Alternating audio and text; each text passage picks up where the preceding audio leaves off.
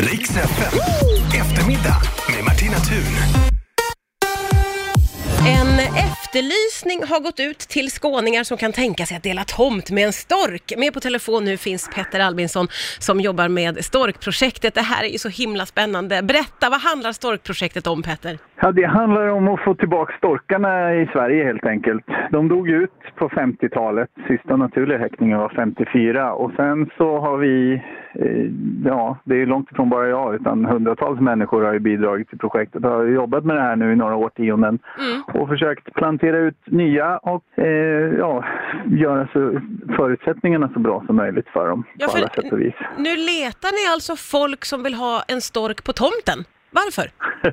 Ja, nu är det kanske inte så här i första hand en liten villatomt i ett större samhälle vi tänker oss. Men, men eh, ja, bokstavligen. Alltså, de, har ju, de lever ju nära på oss så det kan funka med en tomt. Och det, vi har en del som häckar på, på tomtmark. Men ja, det det handlar om är ju egentligen att vi har inte så gott om naturliga boplatser i landskapet längre. För några hundra år sedan då stod det ju gamla döda träd, stora mäktiga ekar och sådär lite här och där som de kunde bygga bo på. Men det har vi inte nu och då måste vi hjälpa dem att erbjuda bra boplatser. platser.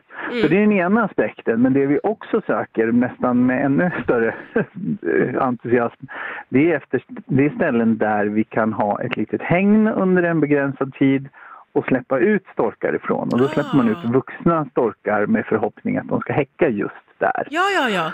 Men du, vilka är de optimala förhållandena för storkar då, skulle du säga?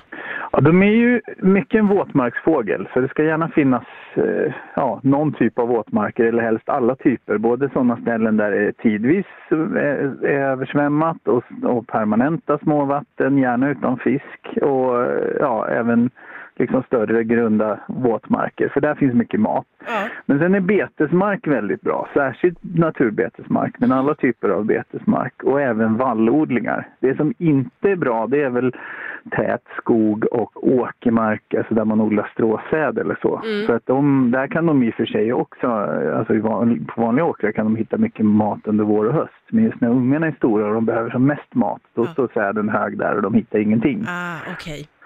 Hur har intresset varit bland skåningarna då? Alltså enormt. Jag är nästan lite rädd för att vara med också och berätta om det. Nej, men jag tror jag har fått nästan 90 mejl vid det här laget. Är det så? Eh, och, och det är ju fantastiskt. Så nu, nu börjar nästan problemet bli istället att vi har inte råd att sätta upp så här mycket plattformar. Vi har som det ser ut nu bara finansiering till tiotal. Oj, att, så eh, du får välja ut de bästa, allra, allra bästa då? Exakt. Och det är det jag håller på med idag. Och till några av de mest intressanta platserna och kommer nog få hålla på med det i en, två veckor till Oj, och kolla oj, på de oj. bästa förutsättningarna. Men vad roligt att intresset var så stort. Vad tänker du om det? Ja, jag tycker också det är jättekul. Det är, och det är det som är faktiskt fantastiskt med att jobba med storkarna. Att de är så, det är så många som bryr sig om dem. Mm. De, är, de är lätta att tycka om. Ja, verkligen. Jag är, jag är grodnörd från början. Det är lite annorlunda om Jaha, man okej. försöker hitta någon som vill gräva en damm för en lökgroda som ingen ens vet vad det är.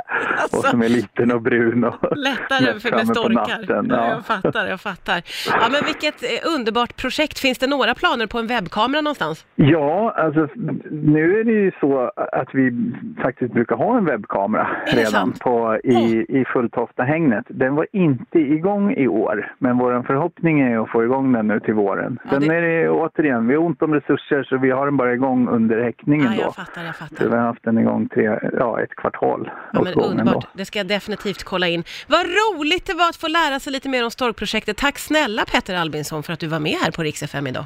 Ja, tack själv. Riks FM. Eftermiddag med Martina Thun.